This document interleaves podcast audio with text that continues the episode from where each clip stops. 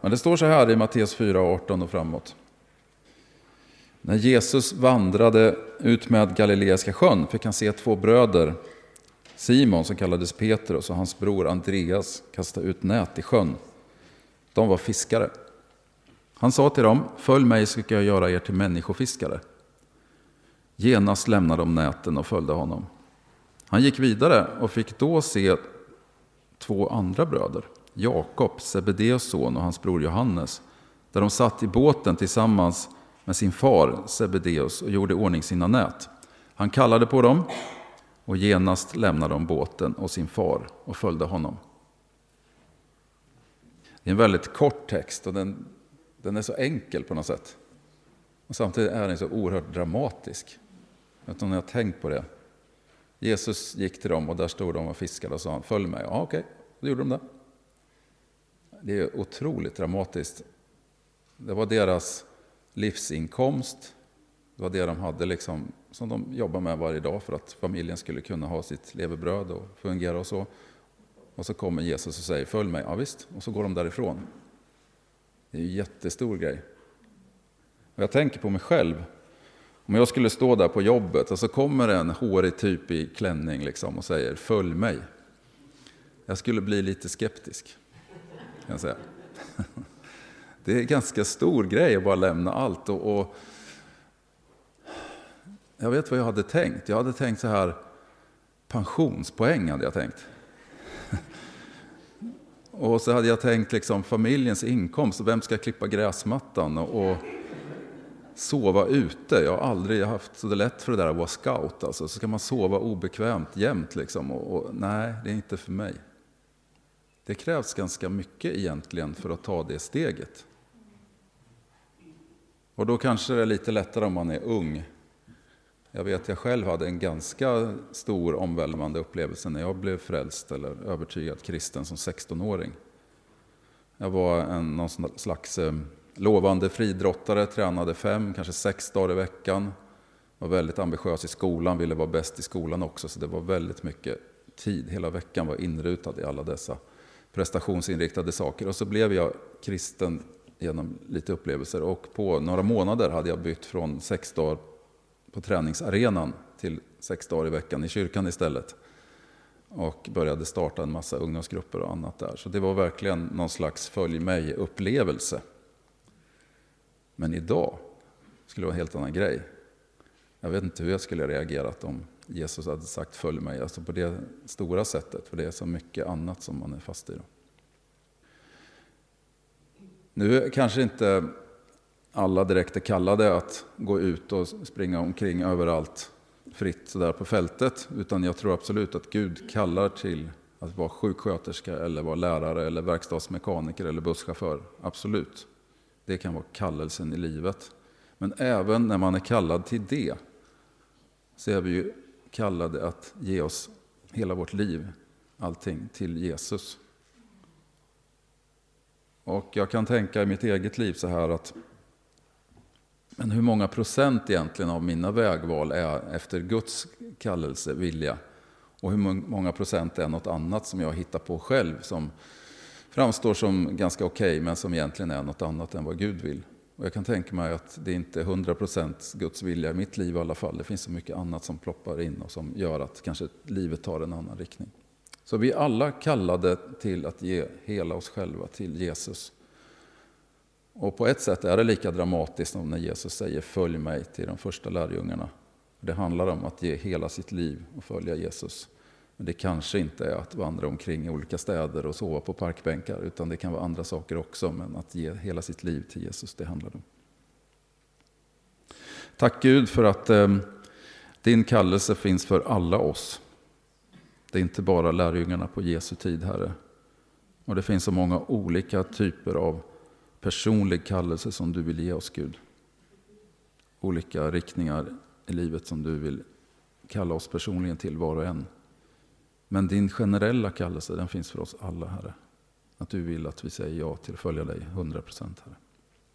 Herre, visa oss vägen, Herre. Öppna våra sinnen, gör oss öppna för ditt tilltal och gör oss villiga att gå din väg, Herre. Och tack för att den här gudstjänsten får bidra till detta, Herre. Amen. Jag ska läsa en till, ett till bibelord lite på temat det här med kallelse och efterföljelse. Jag tänkte börja lite grann och lägga en bakgrund här. Det var eh, ganska ja, 10-15 år sedan någonting. Då eh, kallade vi till oss rektorn för vår teologiska högskolan i det samfund som jag var med då, till vår församling. Och så frågade vi dem hur de tänkte med pastorsskolan och den teologiska utbildningen. Ehm, för det är ju inte självklart det här med efterföljelse sådär, i kristna kretsar heller alla gånger. Och vi tyckte att de här pastorerna som kom ut från den här skolan, vi tyckte de hade lite märklig teologi ibland och inte alltid var så utrustade för församlingstjänst. Så vi ville fråga dem hur de tänkte och, och så. Och då kom jag ihåg att jag själv frågade rektorn då, som var där, svara på frågor. Och om man kunde se det som skolans uppgift var ungefär som Jesus och lärjungarna. Att Jesus gick omkring hade ett utvald, en utvald grupp som var liksom sin klass. Och att det handlade om att utrusta de här till tjänst och utbilda dem. Och sen att de kunde gå ut i tjänst själva och sprida Guds rike. Om man kunde se om det var en bra bild för hur skolan kunde fungera. Och då kommer jag ihåg att rektorn sa så här att en sån skola skulle jag aldrig vilja gå i, Jan. För de hade liksom en helt annan tankegång.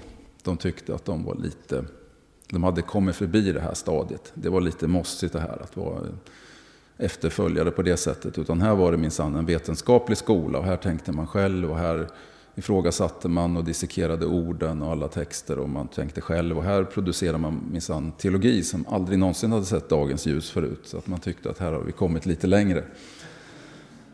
Så det är inte alls självklart det här med den här efterföljelseandan, inte ens på fina teologiska universitet. Och när man blir utbildad till pastor. Och då kommer jag till det här bibelordet då, som är från första Korinthierbrevet, vers 3 och 18 kapitel 3, vers 18 och framåt. Bedra inte er själva. Om någon ibland er tycker att han är vis i den här världen måste han bli en dåre för att bli vis. Till den här världens visdom är dårskap inför Gud. Det står skrivet, han fångar de visa i deras slughet och vidare. Herren känner de visas tankar och vet att de är tomma. Det finns en sån kraft i den enkla efterföljelsen.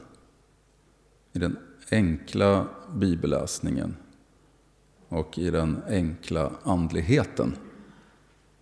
Visserligen är det bra att vi ibland kan rota ner oss i grundtexten och se vad det egentligen står på hebreiska eller grekiska för att verkligen förstå. Men, men allmänt sett så är det ju den här generella, enkla bibelläsningen som vem som helst klarar av, som är väldigt grundläggande. Och den här enkla andligheten, att, att lämna sig själv till Gud, lyssna in Guds tilltal. Det är den vi alla kan så att säga prestera. Och det tror jag också där den sanna efterföljelsen finns den som verkligen leder framåt. Så det är lätt att gå vilse eh, och gå efter status och sånt som är fint i andra perspektiv. Men just den här enkla och tydliga kallelsen inför Gud, den är, det är något väldigt starkt och fint i det. Det är underbart att vara här i början nya året. در این سال جدید och fira gudstjänsten و tillsammans med er. اه، امروز جشن بگیریم Låt oss börja och be och lämna dagen i Herrens händer. اجازه بدین که دعا کنیم برای امروز Herre, vi tackar och prisar dig, Herre Jesus. خدا رو شکر میکنم برای امروز Vi kommer med tacksamhet inför din tron. من Herre, در vi lämnar dagen i dina märkta händer. Herre, vi ber om visioner, Herre, idag. Vi ber om uppenbarelse, Herre. Vi ber om din närvaro, Herre Jesus. Låt kraften som kommer från ditt ord röra våra hjärtan idag, Herre, och bli verksam och levande i våra liv. I Jesus namn. Amen.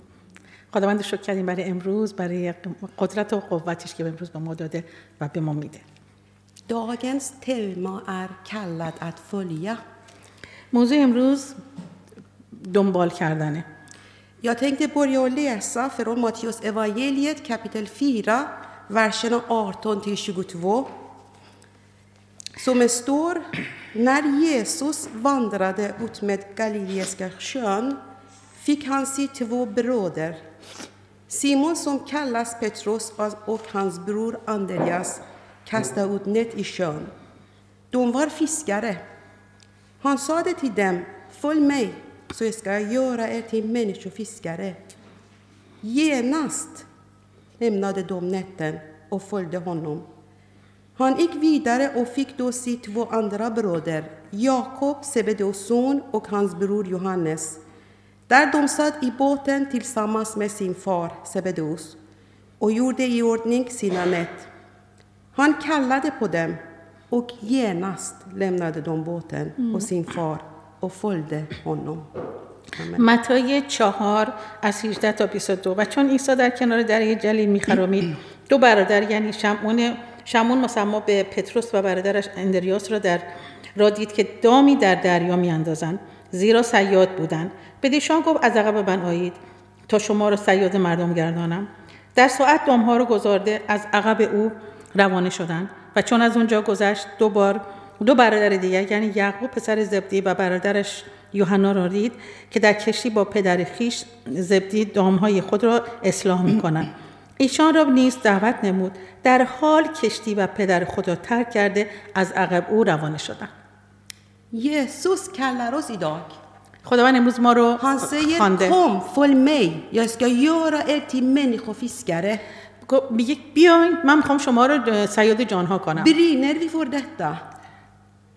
برای این واقعا آمادگی دارید وی وارا میه و برا فروکت فور هیملسریکه واقعا می‌خواین که باشین و میوه بیارین برای خدا من ویلیان هار ویدن استر که ویلیان خواست خواست و اراده. خواست ما خیلی مهمه که ما رو به طرف جلو می‌کشه. فرات فول بورد و ورتلو پری وردن اوک نو مولت فرات فول بورد برای اینکه کلامش کامل شه در این جن در این دنیا. Idag ska vi tillsammans gå igenom några punkter om kallelsen och viljan att följa med. امروز چند تا مطلبی که می‌خوایم در مورد که چجوری دنبال عیسی بریم Jesus kallar de villiga. خب عیسی مسیح اونایی که می‌خواستن دنبالشون Han kommer till de villiga som väntar på honom. برای کسانی رفت که می‌خواستن منتظر عیسی بودن När Jesus kallade sina lärjungar وقتی که عیسی مسیح حوارینشو خواند هاد آنینت انام لیست اوور به گوواد پرشونر فرات کلا دوم تیشنس یه چیز لیست اسم نداشت که نگاه کنه کیا خیلی باهوش و خوبن بلکه فقط آماده ها رو خواست. اوتان هان سوگ دیراس یارتا قلباشون رو دید. هان سوگ دیراس لنگتان. هان سوگ دیراس توشت تشتیگیشون رو دید آمادگیشون رو دید دوا دنسوم یلده. این منظور خداوند Idag Gud ser din längtan. Idag Gud ser din vilja. امروز خداوند اونا رو می- می‌خواد می‌بینه که دلتنگن آمادگی دارن می‌خوان که دنبال عیسی برن Jesus använder de villiga. عیسی اونایی که آماده بودن رو خواست Petrus, Andreas, Johannes och Jakob var villiga att följa efter Jesus. دقیقا همینه که به اسم پتروس و آندریاس و یعقوب و یوحنا رو می‌دونست که اینا می‌خواستن برای همین صداشون کرد De visste egentligen inte vem Jesus var. دوم اصلا اونا نمی‌دونستن که عیسی کیه De visste inte Jesus var Herren själv som hade tagit människogestalt på sig och kommit till världen för att frälsa människorna. اونا اصلا نمی‌دونستن که عیسی آمده که دنیا رو نجات بده و مردم رو نجات بده Och rädda dem från fördärvets grav, från mörker och leda dem till ljuset. اونا رو در از تاریکی می‌خواست نجات بده بیاره به روشنایی Ja. Det är den som Jesus såg hos dem. این چیزی بود که عیسی در اونا دید De hade inte sett den här budskapet, förlossningsbudskapet. De hade inte hört om förlossningsbudskapet. هیچ پیامی نداشتن که برای نجات داشته باشن هیچی نمی‌دونستن ولی دلتنگی داشتن De hade inte upplevt pingstdagen. ها- اونا اصلا روز پنتیکاست تجربه نکرده De بودن hade inte upplevt dopet i den helige anden. اونا اصلا تعمید روح القدس رو تجربه نکرده بودن De hade inte varit med och sett under och tecken och mirakel. اونا هنوز معجزه‌های خداوند رو ندیده بودن De hade inte nya testamentet i handen. اصلا انجیل جدید رو نداشتن انجیل رو نداشتن Men trots detta följde de efter Jesus hängivna så fort blev de kallade att följa honom. ولی به هر جهت دنبال عیسی رفتن. چون عیسی خوانده بودشون. یسوس ادسون کلر. یسوس؟ ادسون کلر. عیسی که ما رو می‌خونه. ور کلرسه کومه دایرکت فرون هیملن ما خواندگی ما دقیقا دیرکت مستقیم از آسمان میاد kommer inte från någon annan människa eller organisation. از کسی یا از مؤسسی از جایی نمیاد مستقیم از آسمان میاد Var och en av oss som sitter här har en bestämd och viktig plats i kroppen så fort vi tar emot Jesus som vår Herre och Frälsare. تمام کسایی که ما اینجا نشستیم کسانی هستیم که می‌خوایم جزی از بدن عیسی مسیح باشیم Jesus är den som sätter igång processen. Det är han som kommer. عیساست که این چیز رو شروع می‌کنه با ما اونی که شروع می‌کنه همه چیز در ما Har ni lagt märke till att det var inte lärjungarna som gick och sökte efter Jesus? توجه کردین برای چی اینا رفتن به دنبال عیسی De var mitt uppe i arbetet när Jesus sökte efter dem och sa kom, följ mig. اونا درست وسط کار بودن. داشتن کار و زندگی می‌کردن. هر کسی به موقع ولی وقتی که عیسی خواندشون بلافاصله رها کردن رفتن. Men precis på samma sätt kallar Jesus ja, vi oss för att följa honom idag. دقیقا امروز هم همین کارو می‌خواد بکنه. دقیقا وسط هم کاری می‌خواد ما رو صدا کنه که دنبالش بریم. Det är han som kommer, det är han som söker. اونی که میاد اونی که ما رو می جستجو می‌کنه han som sätter igång, initierar vår kallelse. اونی که شروع می‌کنه خواندگی ما رو Det är han som bemyndigar vår kallelse. هانسون Bemyndigar. آه، اونی که به ما بالغیت میده رسیدگی میده به خواندگیمون Och det är han som upprätthåller vår kallelse. اونه که ما رو صحیحمون می‌کنه Vi läser...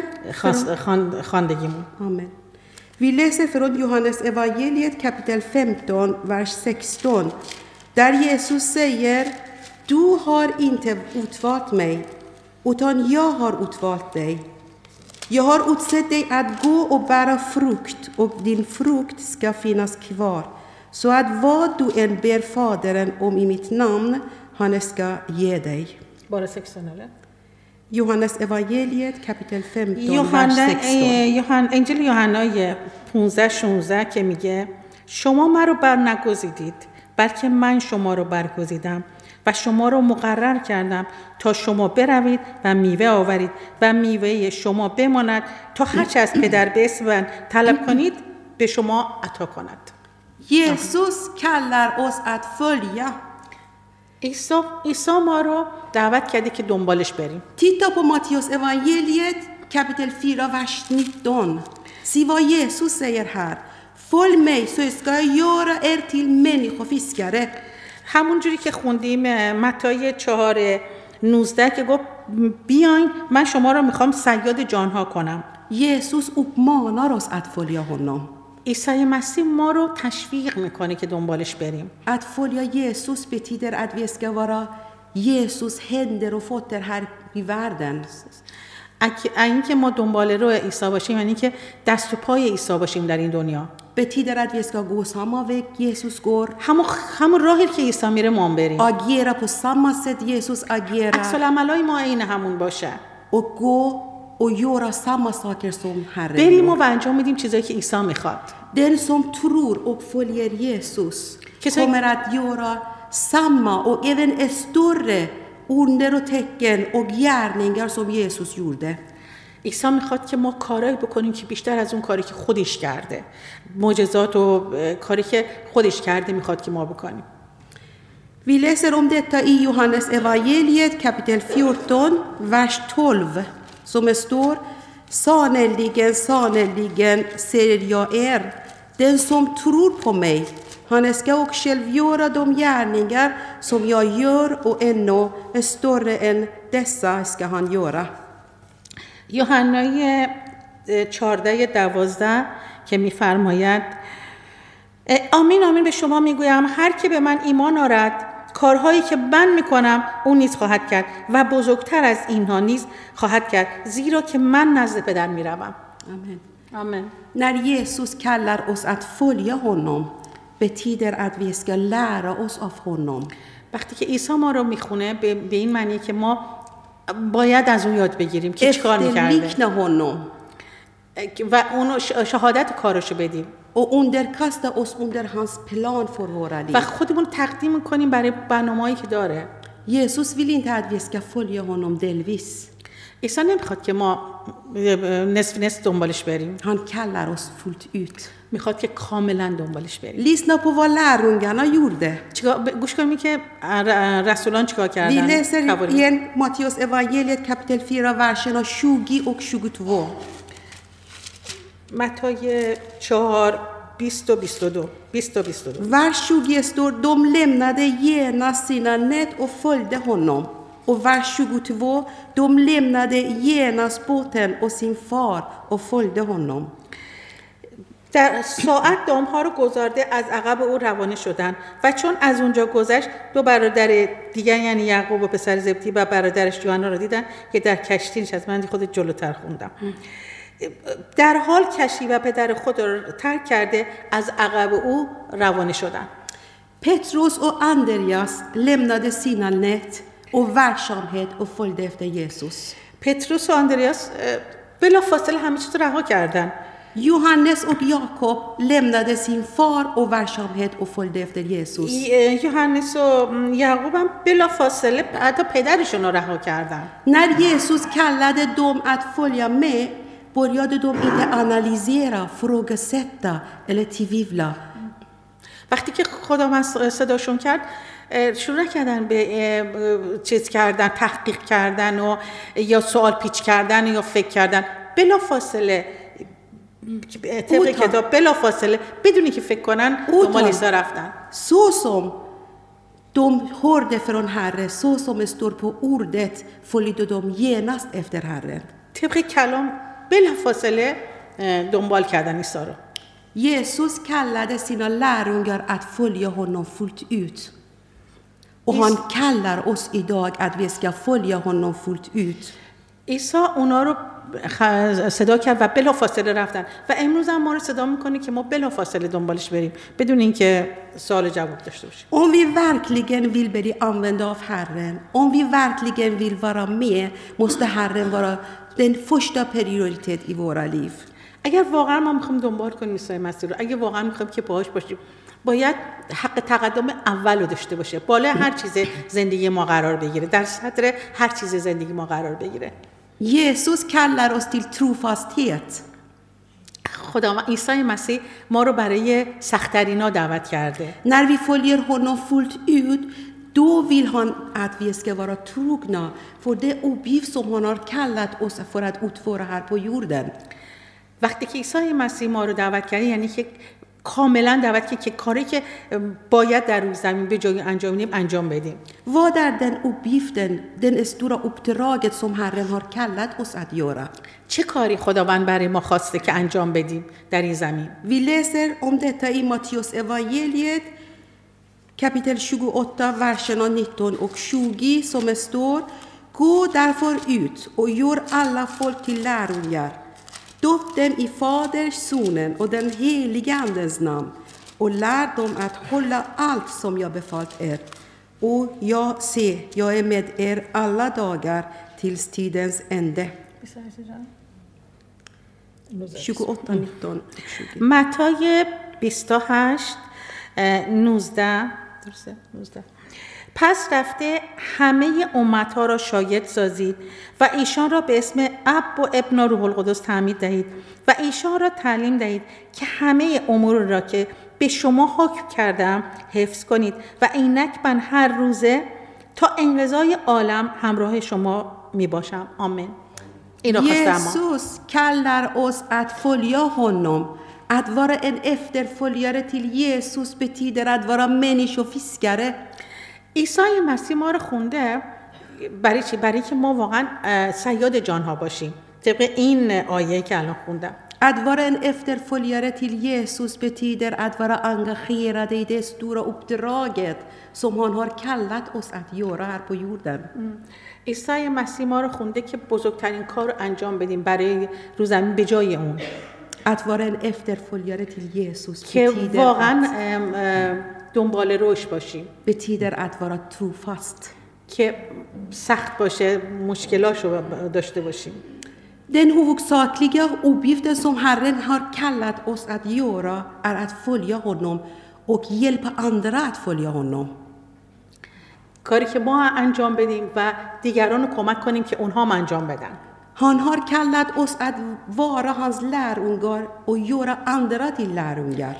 از ما خواسته که ما حوارینش بشیم و دیگران رو کمک کنیم که حوارینش بشن När Jesus kallar oss att följa honom är det viktigt att vara tillgängliga i hans händer. و از همه مهمتر که ما آماده باشیم وقتی که ما می‌خوایم دنبال کنیم عیسی مسیح رو باید آمادگیشو همیشه آماده باشیم Gud använder alltid de som är tillgängliga. خداوند همیشه کسانی رو انتخاب می‌کنه که آمادن När vi tittar både på gamla och nya testamentet och under historiens gång kan vi se hur Gud använder människorna som har varit lydiga, lyhörda, tillgängliga för att förändra världen.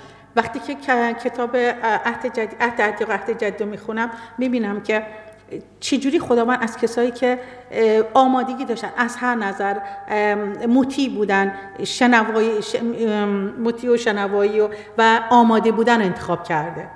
Liksom Petrus, andra lärjungar, och många som har kommit efter, tillgängligheten har varit viktig för att Gud skulle använda dem för att göra stora saker här på jorden پتروس رو نگاه کنین آماده بود و همیشه برای کار خداوند آماده بود و کسانی باش بودن که اونام آمادگی داشتن. یسوس کلد طول و من اد بلی هانز لرونگر. ایسا دوازده تا آدم معمولی رو برای خودش انتخاب کرد. دوم لمند الت. اونا همه چیز رها کردن. یوب، فامیل، کار، خانواده. بکفملیکیت، تریکیت و وار تیلینگ لیگای هر هندر و فلده هنم همه چیز راه استراحتشون و راحتیشون و زندگیشون و خانوادهشون و همه چیز رو رها کردن برای عیسی Gud vill ha lydiga, fokuserade, engagerade, tillgängliga efterföljare oavsett hur situationen ser ut. خدا می‌خواد که ما مطیعش باشیم دنبال روش باشیم بدون در نظر گرفتنی که ما در چه شرایطی هستیم Tillgängligheten ger alltid plats för att det ska ske mirakel. این آمادگی ما آمادگی ما باعث میشه که همیشه معجزات اتفاق میافته Vi kan läsa om detta i Lukas evangeliet kapitel 5, verserna 4 till 6, som det står När han hade slutat tala sade han till Simon Far ut på djupt vatten och lägg ut era nät till fångst. Simon svarade Mästare, vi har arbetat hela natten och inte fått något. Men på din befallning vill jag lägga ut näten. De gjorde så och fångade en så stor mängd fisk och nät, att näten höll på att gå sönder. متای پنج از چهار تا هفت رو می‌خونیم و چون از سخن گفتن فارغ شد به شمون گفت به میان دریچه برای دامهای خود میان در- دریاچه بران و دامهای خود را برای شکار بیانداز. شمون در جواب وی گفت ای استاد تمام شب را رنج برده چیزی نگرفتیم. لیکن به حکم, به حکم تو دام را خواهم انداخت. و چون چنین کرد مقداری کثیری از ما ماهی سید کردند. چنان که نزدیک بود دام دام ایشان گسسته شود. و به رفقای خود که در زورق دیگر بودند اشاره کردند که آمده ایشان را آماده کنند. امداد کنند. چون آمده هر دو زورق را پر کرده به قسمی که نزدیک بود غرق شوند. till Petrus, då var han lydig och tillgänglig. وقتی که عیسی به پتروس پیش پتروس اومد پتروس دو تا چیزی داشت یکی مطیع بود و یکی دنبال روش بود. Därför fick han vara med och uppleva kraften. برای همین خیلی بیشتر از حد گرفت. Därför var han med och upplevde mirakel. اینجا بود برای همین بود که معجزه رو تجربه کرد Gud ger välsignelse till de som är tillgängliga. خداوند برکت میده برای کسایی که آمادگی دارن آمادن Innan Jesus gick tillbaka till himmelen sa han till sina efterföljare att de skulle gå tillbaka till Jerusalem och vänta där för att bli utrustad med kraft från ovan. وقتی که عیسی مسیح قبل از اینکه بره آسمان به یارانش گفت برین اورشلیم و اونجا منتظر من باشین چون قدرتی از آسمان برای شما میاد De lydde Jesus, därför fick de vara med och uppleva den stora dagen, pingstdagen. اونها اطاعت کردن رفتن برای همین روز پنتیکاست رو تجربه کردن De lät inte deras rädsla, brister eller svagheter bli hinder för dem. اجازه ندادن ترس و چیزای دیگه مانع این, این بشه Vi behöver gå upp till översalen. ما رفتن بالای طبقه بالا Vi behöver närma oss Herren. رفت و بخواستن ما احتیاج داریم نه؟ و ما هم احتیاج داریم که بریم طبقه بالا- و به خدا نزدیکتر بشیم. Vi behöver tillbringa tid med Herren ما احتیاج داریم که زمان برای خداوند بذاریم. Att kunna vara med och uppleva kraften. برای اینکه باشیم و قدرت خداوند رو لمس کنیم تجربه کنیم. vara med och uppleva mirakel. برای اینکه ما معجزات خداوند رو تجربه att kunna کنیم. vara med och uppleva elden. برای اینکه ما آتش روح القدس رو تجربه کنیم. Samma kallelse som Jesus kallade sina lärjungar gäller oss idag. همون کاری که خداوند با حوارینش کرد امروز به ما مربوط میشه امروز ما می‌تونیم انجام بدیم Gud kallar oss att följa honom. خداوند ما رو خواسته که دنبال روش بشیم حوارینش بشیم göra med eller utan oss. ها که؟ Han kan göra jobbet med eller utan oss. اون می‌تونه با ما هم با ما با هم با ما کارش انجام بده Men han vill att vi ska vara med. ولی می‌خواد که ما باهاش باشیم Att följa Jesus är mer än att delta vid gudstjänsterna. با خدا بودن خیلی بیشتر از اینه که فقط در جلسات کلیسایی باشیم Det handlar om att släppa taget. که ما رها کنیم همین Det چیزا handlar om att låta helige ande leda. اجازه بدیم که روح القدس در ما کار کنه Det handlar om att låta Jesus ta över kontrollen. اجازه بدیم کنترل زندگیمون رو عیسی داشته باشه Leda, planera och bestämma över våra liv oavsett vad som händer. اجازه بدیم که خداوند برنامه ریزی کنه کارای زندگیمون او ب- بدون در نظر گرفتن که چه اتفاقی میافته Jag läste om en eh, gripande bok om en ung tjej som blev kallad att bli missionär. من یک کتاب خوبی خوندم که یه دختری خوانده شد برای اینکه مبشر بشه Hon hette Elna Lenel och hon var 23 år när hon förstod att Gud kallade henne att bli missionär i Kina. اون دختر 23 ساله بود در 20 سالگی متوجه شد که خداوند خواستش که بره توی چین و مبشر باشه Hon började brottas med många frågor. اون شروع کرد با چند تا سوال و همجور باش درگیر شدن Gud, varför frågar du just mig?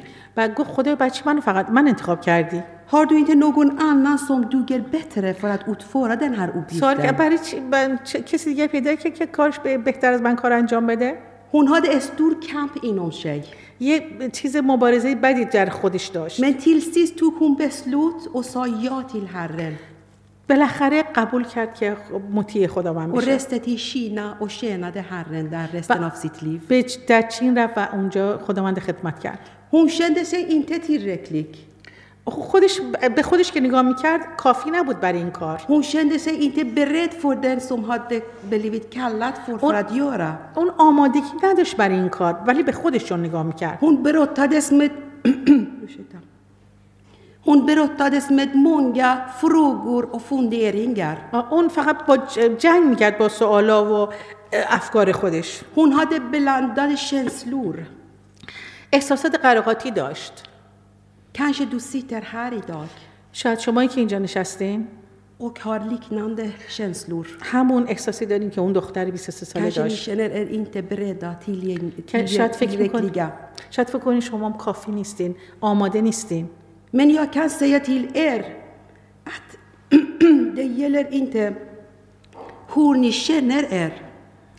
برای این اه، خواندگی مربوط نمیشه که ما احساس ما چیه ده یلر ایت ویلکن سی نیهار پویر خلوه این مهم نیست که ما چجوری به خودمون نگاه می‌کنیم. دیلر این تویل کن سین اندرا منی خورهار بوه مهم هم نیست که به این مسئله که دیگران به چجوری به ما نگاه می‌کنن. Det är hur Gud ser på oss فقط خداست که چجوری به ما نگاه می‌کنه. Det ej genom någon människas styrka eller kraft utan genom min Ande säger Herren.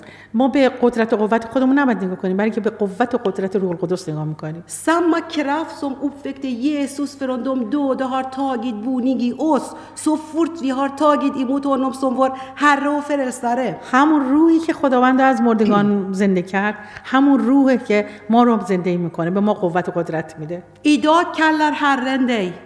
امروز خداوند تو رو صدا می‌کنه Vi läser i Lukas evangeliet kapitel 10, vers 2. Lukas evangeliet 10, لقای تیه vers 2. ده دو لقای تیه ده دو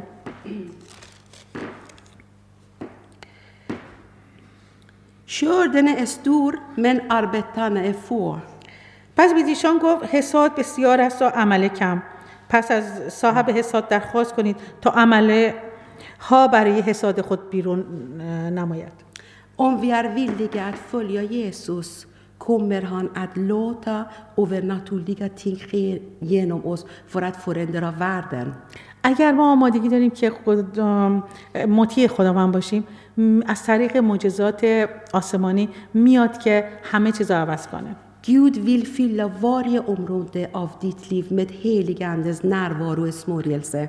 گودویل Fylla varje område av ditt liv. ه- خداوند با روح القدس با روح القدس اون مکانی که شما هستین پر می‌کنه که از شما استفاده کنه Gud vill att göra oss redo.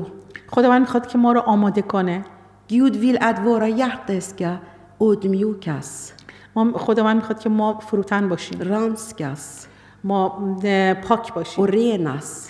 اه، پاک و تمیز باشیم Jag avslutar genom att läsa från Romarbrevet kapitel 12, vers 2. Anpassa er inte efter den här världen, utan låt er förvandlas genom förnyelse av ert sinne, så att ni kan avgöra vad som är Guds vilja, vad som är gott och fullkomligt och välbehagt för honom. با این کلام جلسه رو تموم می‌کنم موضوع رو تموم می‌کنم. رومیان دوازده دو هم شکل این جهان مشوید بلکه به تازگی ذهن خود صورت خود را تبدیل دهید. تا شما دریافت کنید که اراده نیکوی پسندیده کامل خدا چیست. آمین. Tack Jesus. Tack Jesus. Vi ber tillsammans. دعا میکنیم Tack Herre Jesus för din trofasthet Herre. Tack Herre för att du är med oss. Och precis som du har lovat i ditt ord är du med oss till tidens ände. Och du skyddar oss, styrker oss, ger oss mod, kraft, liv i överflöd Herre. Tack Jesus. Herre, vi ber i början av det nya året att du låter din väckelsevind, Herre, blåsa över församlingen, blåsa över Göteborg, blåsa över hela Sverige, blåsa över hela nationen och hela världen, Herre Jesus. Vi lämnar allt i dina märkta händer, Herre. Tack för att du är trofast, Herre. Tack Jesus. I ditt underbara mäktiga namn. Amen. برای داشت. دعا کردن که امسال جدید خداوند برای ما مهیا کنه که ما در این معجزاتش باشیم Amen. Amen. Gud välsigna er.